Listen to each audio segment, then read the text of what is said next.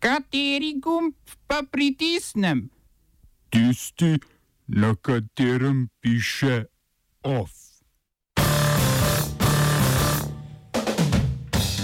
Britanski parlament zavrnil možnost izstopa iz Evropske unije brez dogovora.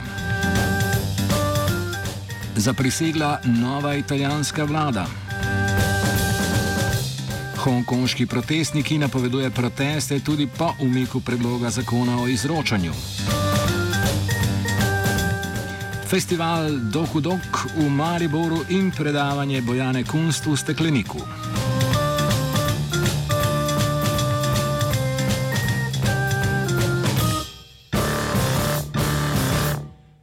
Poslanci spodnjega doma britanskega parlamenta so včeraj sprejeli zakon o preprečitvi izstopa iz Evropske unije brez dogovora. Zakon, ki ga mora podpreti še Lordska zbornica, predvideva, da premijer v primeru neskle, nesklenitve dogovora do 31. oktobra zaprosi Evropsko unijo za podaljšanje roka za sklenitev dogovora.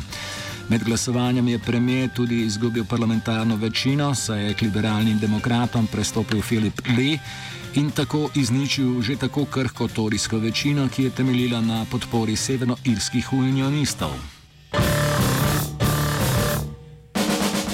Poslanci so izglasovali tudi zakon, ki jim dodeljuje pravico glasovanja o bodočem dogovoru z Unijo. Premijer Boris Johnson, zagovornik izstopa 31. oktober z dogovorom ali brez, je v odziv parlamentu predlagal razpis predčasnih parlamentarnih volitev za 15. oktober, vendar njegov predlog ni dobil dvotretinskega soglasja. Največja opozicijska stranka, laboristi in druge opozicijske stranke namreč nasprotujejo razpisu volitev, dokler ne bo možnost izstopa brez dogovora popolnoma onemogočena.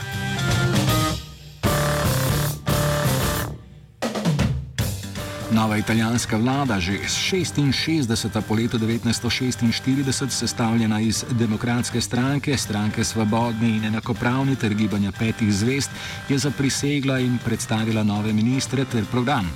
Premijer ostaja Giuseppe Conte, demokratska stranka bo imela devet ministrov, gibanje petih zvest deset, enega pa svobodni in enakopravni. Vlada je v primerjavi s prejšnjo, ki je vključevala Ligo, nominalno bolj naklonjena Evropski uniji. Novi finančni minister je naprimer Roberto Gajiteri, nekdanji predsednik Komiteja za ekonomijo in denarne zadeve Evropskega parlamenta. Notranja ministrica je postala Lučana Lamorgeze, katere dosedanja funkcija na notranjem ministrstvu je bila urejanje sprejemnih centrov za migrante in begunce na severu Italije in stvaritev programov integracije. Prednostna naloga nove vlade je sprejem proračuna za 2020, katerega del naj bi bila tudi ustanovitev javne banke za pomoč rejnošemu jugu države, napoveduje pa tudi spremembo migranske zakonodaje.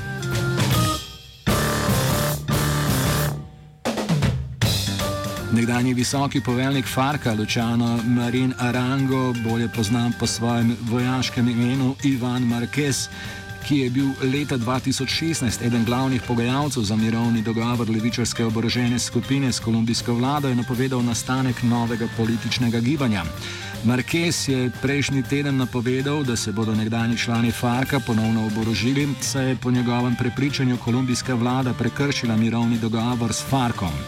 Med drugim kritiki izvedbe mirovnega dogovora povdarjajo, da vlada in predsednik države Ivan Dok eh, niso storili dovolj, da bi preprečili umore članov nekdanjega oboroženega Farka ali umore aktivistov, ki podpirajo mirovni dogovor.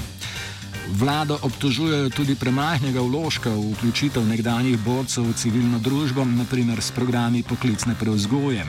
Vlada predsednika Dakja, ki je že odnegdaj skeptičen do mirovnega dogovora, podedovanega od predhodne vlade, je letos zmanjšala sredstva za integracijo članov Farka v družbo.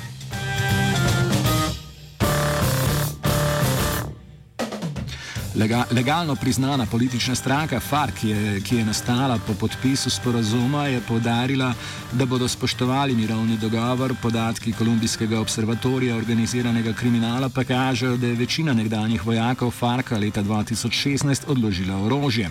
Trenutno število oboroženih nekdanjih vojakov FARC, ki so sedaj del raznih milic, je do 3000.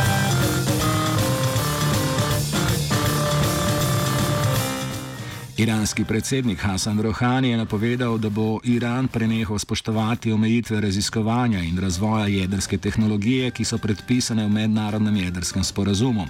Iran bo tako razvijal centrifuge, ki bodo pospešile proces bogatenja urana.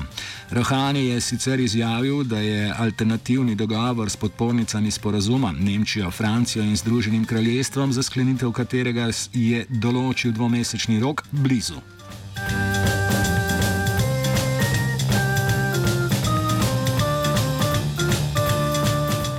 Rohani je dejal, da je odstop od omejitev raziskav odgovor na včerajšnje okrepljene ameriške sankcije. Predsednik trdi, da bi Iran spoštoval dogovor, če bi ga tudi vse ostale podpisnice, predvsem Združene države Amerike, ki so iz dogovora izstopile lani. Iransko zunanje ministrstvo je zatrdilo, da se bo država vrnila k izpolnjevanju dogovora, če se bo francoska ideja o 15 milijardnem kreditu za prodajo nafte uresničila.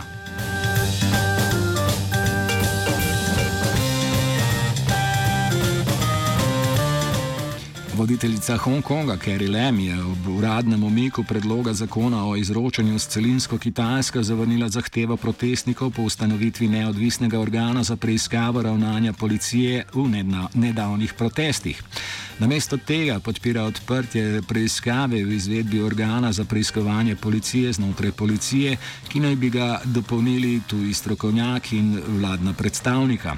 Zavrnila je tudi drugi dve zahtevi protestnikov, torej svoj odstop in umik vseh obtožnic proti protestnikom.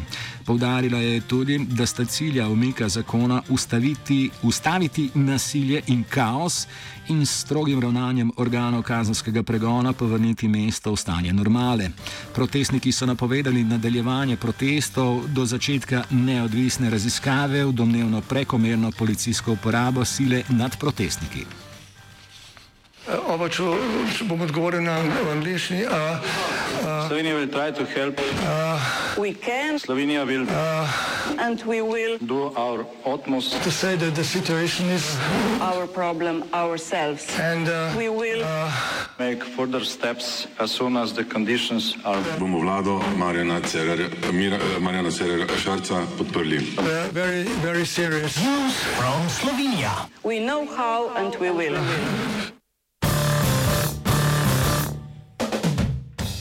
Vzroki včerajšnje nesreče rudarjev v Valenskem rudniku javnosti še niso znani. 11 rudarjev se je poškodovalo med prevozom z gondolo.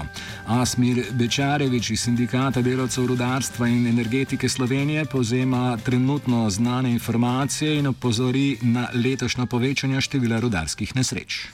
Na srečo eh, je prišlo le do lažjih eh, poškodb, se pravi, vsi sodelavci so izven življenjske nevarnosti, gre za uh, razne udarce glav, reber, komovcev in hrbtenice. Um, kaj več pa v tem trenutku je res zelo težko govoriti. Čakam, da nam predstavijo najprej dejansko poslovodstvo, uh, samo dogajanje nesreče. Pričakujem, da bodo odgovorne osebe, se pravi inšpektori in ostale pristojne inštitucije, opravile pregled korektno in potem v primeru, da zaznajo kakršen koli sum, uh, tudi ustrezno ukrepale. Opozoril bi dejansko, da ker je varnost na prvem mestu, včasih prihaja tudi do raznih nezgod, izključno zaradi tega, ker poslovodstvo si zastavlja določene cilje, ki jih je zelo težko doseči in so zaposleni posledično tudi preobremenjeni. Zaskrbljujoče je tudi to, da je v jamski strojni službi in jamskem transportu število nezgod v letošnjem letu, da se je naprem letošnjega leta kar podvojilo. To je nek znak dejansko, nek rdeč alarm, rdeča lučka sveti in na, ta, na to nam bo tudi mogla podati odgovore dejansko služba varstva in zdravja pri delu. OF je pripravila GEA.